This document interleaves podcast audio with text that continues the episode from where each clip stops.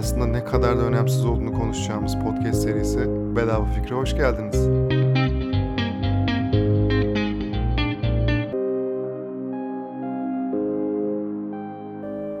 İkinci bölüme hoş geldin.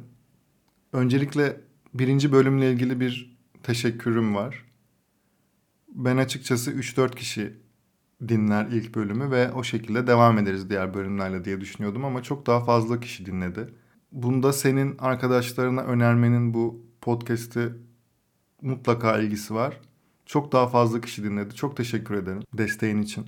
Bu bölüm benim anlatmaktan çok keyif aldığım ve bazı noktalarda komik bulduğum ama bu kadar detaylı hiçbir yerde anlatmadığım batma hikayemi anlatacağım. Hikayemizi anlatacağım daha doğrusu. Sosyal medya ve dijital pazarlama şimdiki gibi değildi. Yani sosyal medya ve dijital dediğimiz zaman şu an herkes en azından belli bir yaş grubundaki birçok insan ne olduğunu biliyor. 2010'lardan bahsettiğimiz zaman yaklaşık bir 10 yıl önce sosyal medya diye bir şey var ama yani işte Facebook diye bir şey çıkmış. Ne ola ki gibi bir noktadaydık. Sosyal medya reklam ajansları var. Yeni kuruluyor, yeni kurulmuş. İşte ne iş yapar bunlar gibi düşünülen bir ortam. Burada sosyal medya ve reklam ajansları üzerinden gideceğim ama bunu herhangi bir şekilde şirket kurmak, girişimcilik, işte o süreçler, yaşananlar tarafından dinlersen çok daha iyi olacağını düşünüyorum. Biz o dönem kurulan ilk sosyal medya reklam ajanslarından, dijital reklam ajanslarından birinde çalışıyordum. Ben hatta oranın ilk çalışanıydım. Bir şekilde sonrasında daha iyi işler yapabileceğimizi düşünerek bir arkadaşımla, ortağımla dedik ki biz kendi ajansımızı kurabiliriz. İç, iç motivasyonumuz da hızlı adapte olabildiğimizi gördük yeni gelişmelere ve daha iyisini yani sektör bizi konuşacak gibi bir iç motivasyonla böyle biraz romantik aslında bir motivasyonla başladık. Şirketi kurmaya karar verdik. Hep böyle güzel başlar ya işte şirketi kurmaya karar verdik gittik ofisimizi seçtik vesaire biz bir dava süreciyle başladık. Bizim eski çalıştığımız reklam ajansı bize dava açmaya karar verdi. İşte onun müşterilerini almaya çalıştığımız için mi? Birçok madde vardı. Maddi manevi. Tabii bunlar gerçek olmadığı için sonrasında herhangi bir şey olmadı tabii ki davayı kazandık ama bu şekilde başlamak en azından bizim gibi tecrübesiz girişimciler için çok tuhaftı. Çünkü biz işte her şey çok güzel olacak hayallerimiz var gibi başlamıştık ki bütün aslında girişimciler bu şekilde başlıyor. Bir şekilde bir hayalleri var. O hayallerine tutunup onun peşinden gidiyorlar. Ama bu tarz tuhaf durumlarla, bunun benzeri çok tuhaf durumlarla karşılaşabiliyorlar. Biz de karşılaştık. Bir yandan da aileden zengin değiliz. En azından ben değilim. Orta direkt diyebileceğimiz iyi eğitim görmüş, iyi eğitimli bir aileden geliyor olsam da gümüş kaşıkla doğmayanlardanım aslında. Ama o dönem ofisin kiralanması, mobilyalar, tüm süreçler işte 2011 yılının Mart'ında kurduk. Yaklaşık 15-20 bin liralara halloluyordu. İstanbul'u bilenler İstiklal Caddesi'nde Demirören AVM'nin hemen arka sokağındaydık. Üçüncü, dördüncü kat ta 55 metrekare 1 artı 1 bir ofisimiz vardı. 3 kuruş biriktirdiğimiz para yanına işte ailelerimizden aldığımız destek. Bunu böyle acitasyon gibi anlatmıyorum. Tam durumu anlatmak için nereden nereye geldik ve battık onu göstermek için aslında anlatmaya çalışıyorum. O dönem tabii işte arkadaşlarımız bize en azından sektörden çok fazla yardım eden insan oldu. Burada adlarını sayamayacağım kadar çok fazla insan hem gelip bizim yanımızda operasyon olarak bize yardım eden arkadaşlar hem bir şekilde bizi başkalarıyla tanıştırıp iş almamızı sağlayan ve en azından yardım eden orada yol açan arkadaşlarımız birçok kişi oldu. Bunların hepsini en sonunda bir yere bağlayacağım. O yüzden hepsini tek tek anlatmak çok önemli, çok kritik. Biz ajansı kurduk. Tuhaf da bir sokak orası bu arada. İşte geceleri pek tekin değil. Ama biz mutluyuz. Sabah akşam oradayız. Bize dava açan ilk ajansın aksine biz müşterimiz olmadığı için telefonla bayağı o dönem hangi markayla çalışmak isteriz deyip o markanın telefon numarasını internetten bakıp telefon edip merhaba sosyal medya ajansınız var mı böyle böyle bir şey var böyle hizmetlerimiz var diye bayağı arıyoruz. Yani aslında akla ilk gelecek müşteri bulma yöntemi fakat biz bunu deniyoruz. Tabii red red red red E bir yerden sonra kabul edenler de oluyor. En azından yani görüşmeye bile çağrılmadıktan sonra bir yerden sonra görüşmeye de çağrılıyorsunuz. O müşteriyi de alıyorsunuz. İlk müşterimiz Quicksilver'dı. Baya telefonla bir toplantı aldık. Gittik. Okey dediler. Çalışalım ve başladık. Ama müşteri almak burada belki en kritik noktalardan biri özellikle hizmet sektöründeyseniz biz bayağı cahil cesareti müşterimiz olmadan ajans kurduk. Normalde geri zekalı olman lazım bunu yapman için. Biz o zekaya sahiptik. Ve şöyle şöyle günler yaşadık. Ha, bu arada e, sonrasında işte birkaç müşteri operasyon olarak birkaç müşteri aldık. Bir şekilde bize white label diye bahsedilen şöyle aslında taşeron ajans gibi düşünebilirsiniz. Bir ajans bir markayla konuşup işi alıyor. Sonrasında operasyonel süreçlerini size veriyor. Buna işte white label deniyor. BİM'in işte kendi yoğurt tesisi olmayıp işte dost yoğurt vesaire gibi birine yaptırıp sonra üzerine kendi markasını koyması gibi bir noktada düşünebilirsiniz. Oradan biraz para kazanmaya başladık. Ama tabii bizim ajansın marka değeri vesaire yok. O dönem şöyle bir birkaç an var. Muhtemelen hayatım boyunca unutmayacağım. Bu bölüm de biraz böyle duygusal olacak gibi ama toparlayacağım bir yerden sonra daha komik yerlere geçeceğiz. Bir an var ortağımın evindeyiz. Beşiktaş'ta kalıyor o zaman. Cebimizde gerçekten 5 kuruş kalmamış. Daha doğrusu 1 lira kalmış. 1 liram var. O dönem sigara içiyorum. Bir tane sigaram kalmış. Ve bir de çakmağım var. Diğer gün Beşiktaş'tan Taksim'e ofise gitmek için yürümek zorundayız. Kredi kartlarımız, hesaplarımız hepsi bomboş. Ve işte hava umarım çok soğuk olmaz da rahat yürürüz gibi düşünüyoruz. Böyle dönemlere hazırlıklı olman gerekiyor şirket kurduğun zaman. Biz bunun bir noktada farkındaydık ama için içine girdiğin zaman anlıyorsun bunun ne kadar zor olduğunu. Fakat şöyle de bir şey girişimcilik ve kendi işini yapmak. Diğer sabah çok yüklü bir meblağ geldi. 30 küsür bin lira sanırım. Ve biz işte yürüyecekken işte taksiye binip gidebildik. Hangi gün ne olacağını bilemeyebiliyorsun. Nakit akışı, finansal konularda çok iyi bilgin olması gerekiyor. O unutmayacağım günlerden biriydi. Sonra iyi işler yapmaya başladık. Sektörde duyulmaya başladık. White label bir şekilde çok markalaşamasak da örneğin Haribo hizmet verdiğimiz markalardan biriydi. O dönem işte sosyal medya içeriklerinde nasıl içerikler olsun, yaratıcı içerikler nasıl olmalı? Dünyada da çok az örneği var. Türkiye'de neredeyse hiç yok. O dönem aslında şu an herkesin çok basitçe aklına gelebilecek ama o dönem kimsenin yapmadığı küçük Haribo'ların küçük ayıcıkları vardır bildiğiniz gibi işte o yediğimiz. Onları hayatın içine entegre ettik ve bir şekilde Haribo'ların günlük maceralarını sosyal medya hesabında anlatmaya başladık. Bir gün kahve fincanına tırmanmaya çalışıyor Haribo çünkü sabah uykusunu alamamış ve uykulu. Diğer gün arkadaşlarıyla muhabbet etmeye çalışıyor gibi gibi çok güzel içerikler hazırlıyorduk ve o dönem büyük reklam ajansları, sektörün büyük ajansları bizim işimizi, iş, işlerimizi o dönem örnek göstermeye başlamıştı. Ve biz, biz bunu duyuyorduk. Diyorduk demek ki doğru yoldayız. Süper. Bir yandan da bunlar devam ederken e, benim başıma gelen bir olay. Türkiye'nin en büyük şirketlerinden birinden bir telekomünikasyon şirketi. Bir iş teklifi aldım. Ama ajansım var bir yandan. İşte dediler ki gel dijital medyanın başına geç. Normalde işte o kadar yıllık tecrübeyle yani işte 3 yıl, 4 yıllık bir tecrübeyle böyle bir pozisyon. Muazzam bir pozisyon düşündüğünüz zaman. Ben tabii ki ne dedim? E, teşekkürler. Markanızla biz reklam ajansı olarak, dijital ajans olarak görüşmeyi daha çok isteriz falan. Tabii onlar da tabii tabii tabii mutlaka görüşürüz deyip kibarca hoşça kal dediler. Ha pişman mısın dersen asla pişman değilim çünkü ajansımı çok seviyordum ve gerçekten bir dakika bile tereddüt etmemiştim. Çünkü e, içinde bulunduğunuz bağlam birçok şeyi belirler içinde bulunduğun bağlamla hareket edersin ve o o anki şartlarda benim bir reklam ajansım var ve tabii ki onu sürdürmem gerekiyor ve o tecrübeyi, o deneyimi yaşamam gerekiyor.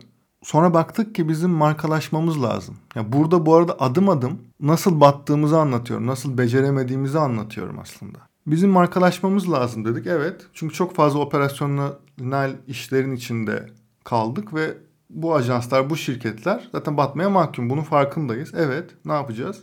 E bizim işte büyük markalarla white label olarak değil de kendimiz olarak çalışmamız lazım. Bunun için ne lazım? Network birilerinin bizi tanıştırması lazım. E ne yapacağız? Üçüncü bir ortak alalım o zaman. Tamam. Üçüncü bir ortak. O dönem tabii birçok insanla görüşüyoruz, ediyoruz. Bize destek olmak isteyen işte daha sektörde tecrübeli bir abimizi ortak aldık. Dedi ki yani gelin birlikte yapalım bu işi. Eğer yürürsek, becerirsek daha işte resmete dökeriz. Yoksa ben size destek olmuş olurum. Süper. Biz büyük markalara gitmeye başladık. Daha büyük markalara işte o ilk bölümde bahsettiğim konkur işte reklam ihalelerine vesaireye giriyoruz. Bir yandan da işte ekibi büyütüyoruz. Bebek'te villaya geçtik. 55 metrekare. İstiklal'de arka sokaktaki böyle işte girerken tırstığın yerden Bebek'te işte şu an Lukka'nın arka sokağında böyle 3 katlı villadayız falan. İnanılmaz bir değişim. Markalarımız var bu arada bir yandan. Ama daha büyük markalara gitmemiz lazım ki ajans çok iyi bir noktaya gelsin vesaire. Bir yandan şeyi kovalıyoruz. Büyük bir reklam ajansının da böyle bir ortaklık olabilir mi? Bir anda biz inanılmaz bir büyüme potansiyeline ulaştık. Ve işte herkesin hayali işte cuma akşamları işte bebekteki villamızdan çıkıp işte o dönem işte Lukka'nın yanında işte tek tekçi vardı şu an kapandı galiba. İşte oraya happy hour'a gidiyoruz falan. Müthiş bir hayat işte. Reklam ajansım var. Happy hour'lara gidiyorum. İşte cebinde cebinde ne kadar para olduğunun önemi yok o zaman. Dışarıdan seni nasıl gördüklerinin önemi var. Yani bu çocuğun reklam ajansı var daha 25-26 yaşında. İşte bebekte, işte villada falan vay be falan. İşte sen de onu havalanıyorsun falan çünkü şey. İşte mütevazizlik tam nerede başlar nerede biter falan çok farkında değilsin. En azından şimdi geriye baktığım zaman daha iyi anlıyorum. İşte bu altın çağda bir yol ayrımına geldik. Dedik ki operasyonel işlerle çok fazla ilgilendiğimiz için büyük markalara ve o konkurlara vakit ayıramıyoruz. Biz büyük markalarla ilgilenmeye çalışalım. Küçük markalar, yani orta ve büyük ölçekte markalar hem cirosal hem marka bilinirliği vesaire olarak markalarla tabii ki çalışıyoruz. Ama daha büyük ilk akla gelen FMCG işte hızlı tüketim ürünleri markaları. Onlar daha çok ilgimizi çekiyor. Ajansın da sürekliliği için bu markalarla çalışmanız gerekir bu arada. Bütün dünyada böyledir bu. Biz onlarla konkura, ihaleye girmeye başladık. Ve işte çok büyük 3 tane, o dönem 3 tane markanın ihalesine girdik. Biri dünyanın en büyük gaz içecek markası. Diğeri çok büyük bir üniversite. Biri de çok büyük bir otomobil markası. Üçünde de şaşırtıcı bir şekilde son ikiye kaldık. Ve üçünde de ikinci olduk. Yani markayı alamadık. İkinci olmanın hiçbir önemi yok. Markayı alamadıktan sonra ihale böyle bir şeydir. Ve nasıl olur diyoruz yani hani işte fikirlerimiz çok beğenildi. Nasıl olabilir? Nasıl nasıl alamadık? Üçünü birden nasıl alamadık? Bir şekilde aranızda iyi oluyor işte konkurs süreçlerinde. Markalara sorduk. Yani neden biz alamadık? Üçünden de hiç hiç unutmuyorum. Hayatım boyunca unutmayacağım başka bir şey. Üçün üç markadan şirketten de karbon kopya aynı cevabı aldık. Diğer ajans, diğer şirket yani siz, sizin yaratıcı fikirlerinize çok inandık. Süper fikirleriniz var, süper bir ekibiniz var. İşte çok işte pırıl pırılsınız. Çok yaratıcısınız belli. Bir yandan da gerçekten yaratıcılık tarafına şöyle ilerliyoruz. Yani ben mesela gecelerce bazen çalışıyorsunuz, fikir bulmanız lazım. Ben şunu yaptığımı bilirim. Hala da bazen işe yarıyor. Bu bir teknik bu arada bir yandan. Uyurken başucuma defter kalem bırakırdım. Bir olayı çözmeniz gerekir. Yani reklamcılık böyle bir şeydir. Müşteri size problemini söyler. Siz o probleme bir çözüm üretirsiniz ve bunu genelde iletişim yoluyla yaparsınız veya ortaya yeni bir proje koyarak yaparsınız. Ve onu çözmeniz gerekir. Ama tabii ki bu çözüm her zaman aklınıza gelmeyebilir. İstenen hızda aklınıza gelmeyebilir. Dolayısıyla ben bir defter kalem koyardım ve o problemi düşünerek uykuya dalardım. Sabah kalktığımda bazı sabahlar o defterde fikrin yazılı olduğunu görürdüm. Gece beyniniz tuhaf çalışır. Gece uyanıp unutmayayım diye fikri yazıp tekrar uykuya dalıyordum. Çünkü birkaç kere başıma geldi. Sabah kalktım, defter kalem koymamıştım. Ya ben bunun ben buna bir fikir buldum ama ne olduğunu hatırlayamıyorum dediğim çok akşam olmuştu. O yüzden ben daha sonra bu defter kalem mevzusuna başlamıştım. Yani yaratıcılık derken böyle içten yanmalı motor gibi çalıştığımız bir dönemden bahsediyorum ve son ikiye kaldınız diyorlar. Ve çıldırıyoruz falan. Peki neden diye sorduğumuzda dediler ki diğer şirket, diğer ajans karbon kopya bunu söylediler. Daha büyük göründü gözümüze. Pardon? Yani e, bize güvendiğinizi söylüyorsunuz, bize yaratıcılık. Okey dedik biz anladık durumu. Bir şekilde genç olduğunuz zaman bu asla bir bahane değil. Her şeyin her zaman bir çözümü var. Biz o dönem beceremedik. Bir şekilde genç olduğumuz için fikirlerimizin arkasında duruyor olsak da herhalde yapacağımıza güvenmediler, yapabileceğimize güvenmediler o dönem. Bize öyle yüzümüze söylemeseler de. Ben hep bunu battık diye anlatıyorum ama yani öyle bir maddi batma vesaire çok büyük bir şey yoktu yani çok aslında ufak meblağlarla bat. Ve dedik ki biz tamam okey o zaman kapatmamız lazım demek ki. Ajans çok da bazen devam etmenin anlamı olmayabilir. Yaklaşık 3 yıl sürdü. Ama bu 3 yıl içerisinde kazandığımız tecrübeleri, deneyimleri size anlatamam. Yani o 3 yıl belki de 10 yıllık tecrübeye değerdi. Ve o yaşta 30'lu yaşların öncesinde bunu deneyimlemiş olmak herhangi bir şirkette üst düzey bir yönetici olmaktan çok çok daha değerliydi. Çünkü o kadar farklı şey görüyorsunuz ki. Yani biz iki ortak diye başladık. Vergi diye bir şey çıktı önümüze falan ve hiç tahmin ettiğimiz meblağlar değil. Yani işte bir para kazanıyorduk ama işte finansal tarafı çok iyi bilmediğimiz için o dönemde işte e, para kazandık ama biz e, zarar ettik nasıl oldu falan anlayamıyorduk yani bir şekilde işte muhasebeciyle konuşuyorduk. Yaratıcı taraf işte konkura gidiyorduk. Yaratıcı oradan işte vergi dairesine vergi borcunu ödemeye gitmeye çalışıyorduk falan. Çok farklı yönleri olan şirket kurmak sadece Türkiye'de değil bütün dünyada şirket kurmak çok farklı bir şey. Orada çok farklı deneyimleri çok farklı şekillerde elde ettik. Bütün bu ajans batırma tecrübesinden süzdüğüm zaman ne kalıyor diye düşündüğümde 5 maddeye böldüm. İlki en iyi olmak için çalışın diyebilirim.